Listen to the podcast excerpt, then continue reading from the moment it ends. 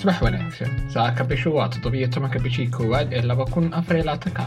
halkaad naga dhagaysanaysaan waa barnaamijka dharaar kaasoo wararka caalamka kuwooda ugu muhiimsanaan idigu soo gudbino subax walba lixda subaxnimo adeegyada boodkastyada sida spotify iyo apple podcast. Maalmihii u dambeysay waanu yareynay baahinta warbixinada dharaar waanu ka cudur daaranaynaa mar kale joogteyntii ayaa halkeedii ka bilaabmaysa soo dhawaada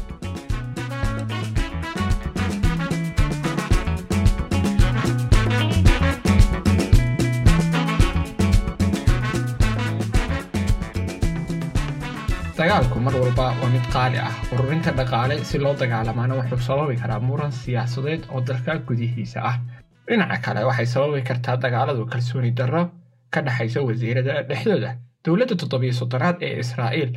ayaa marar dhif ah ku noolaatay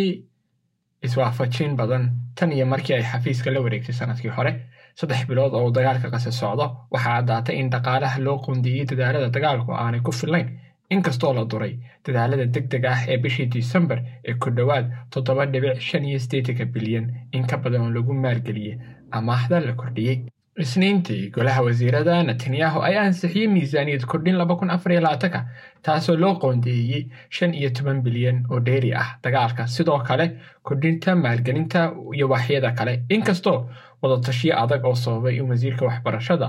uu ka baxo ama uu ka soo baxa shirka isagoo caraysan taasoo ka dhalatay soo jeedin hindiso lagu dhimayo maalgelinta wasaaraddiisa inkastoo ugu dambayntii la xalliyey arrintaas oo ra'iisul wasaare benjamin netanyahu ku dhawaaqay kordhin miisaaniyadda waxbarashada iyo caafimaadkaba. Golaha wasiirada ee israa'iil ayaa markii ugu horreysay yeeshay kulan ayaa xaddii shalay tore ku kordhiyey miisaaniyadda labada sanno ee laba kun saddex iyo labaatanka iyo laba kun afar iyo labaatan taasoo markii hore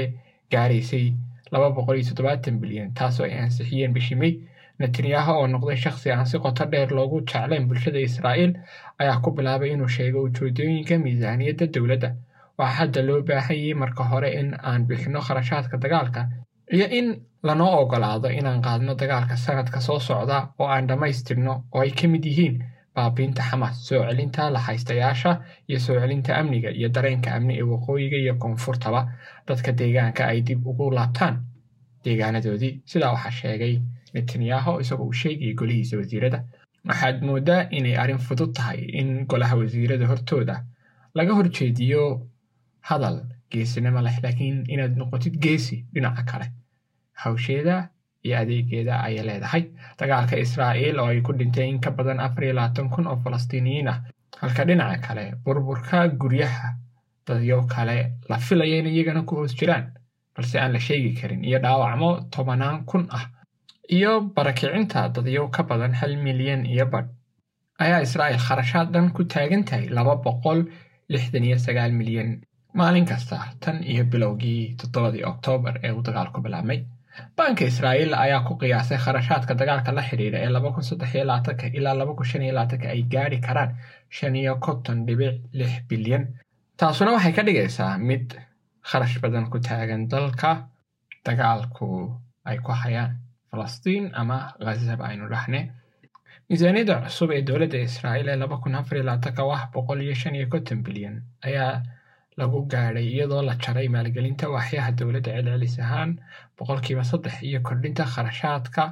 oo ah sideed iyo toban dhibic lix bilyan. Kadib markii golaha wasiiradu isku raaceen miisaaniyadda netanyahu wuxuu ammaanay kordhinta miisaaniyadda amniga gudaha laakiin tan ugu muhiimsan miisaaniyadda difaaca taasoo si fudud muhiim ugu ah guusha iyo mustaqbalkeena ayuu yidhi. Dowladda isbahaysiga israa'iil ee jaban oo ay ku jiraan xisbiyada siyaasadeed ee lucad united torah judaism shah dima iyo xisbiyo kale oo dhammaantoodooda ah garabka ugu midig ee taariikhda dalka israa'iil si kastaba ha noqotee midnimada qaranka uu hogaaminayo netanyahu oo la tartamaya benny gants ayaa u codeeyey qorshaha maaliyadeed isniintii kadib markii ay isku dayday in ay riixdo dhimis dheeri ah oo ay ku jirto laba dhibic shan iyo toban bilyan waxaa loogu yeedho maalgelinta isbahaysiga ee laba kun labayo labaatankii waa la diiday. Lacagahaas waxaa ka mid ah lacago lagu maalgeliyo dhismaha ka socda israa'iil ee deegaameynta ay ka wado dhulka falastiiniyiinta taasoo inkastoo ay sharci daro tahay marka loo eego sharciga caalamiga. Haddana way sii fidaysaa. Dhinaca kale aljaziira wuxuu sheegay yosim mckelberg in weli isbahaysiga wasiirada qaar ka mid ah ay rabaan lacagahaas in lagu bixiyo isballaarinta iyo faafinta dhulalka falastiin ay ka wado israa'iil balse su'aal badan baa ku xeeran shan iyo tobankan bilyan ee dheeriga ah maxay israa'iil ku falaysaa waxaa la sheegayaa lacagta dheeriga waxay ku soo iibsan doontaa qalab militari bilowga sidoo kale waxay bixin doontaa saddex boqol iyo lix iyo konton kun oo keydka militariga ah mushaharaadkoodii halka dhinaca kale ay ku jirato lacaga lagu taageeraya in ka badan boqol kun oo israa'iiliyiin ah oo looga soo daadguraynayo bulshooyinka xuduudka lalex kasa iyo lubnaan halkaasoo ciidamada israa'iil ay isku dhacyo kula jiraan xisbullah iyo xamaas waxaanu bedelnay mudnaanta si qof kasta oo kayd ah iyo dagaalyahan kasta iyo qoyskiisu ay ogaadaan inay jirto dowlad isaga ka dambaysa oo si buuxda u daryeelisa. Wasiirka maaliyadda ee israa'iil markii miisaaniyadda la ansixiyey ayuu sidaa sheegay inkastoo boqol cisho ka hor haddii dib loo noqdo israa'iil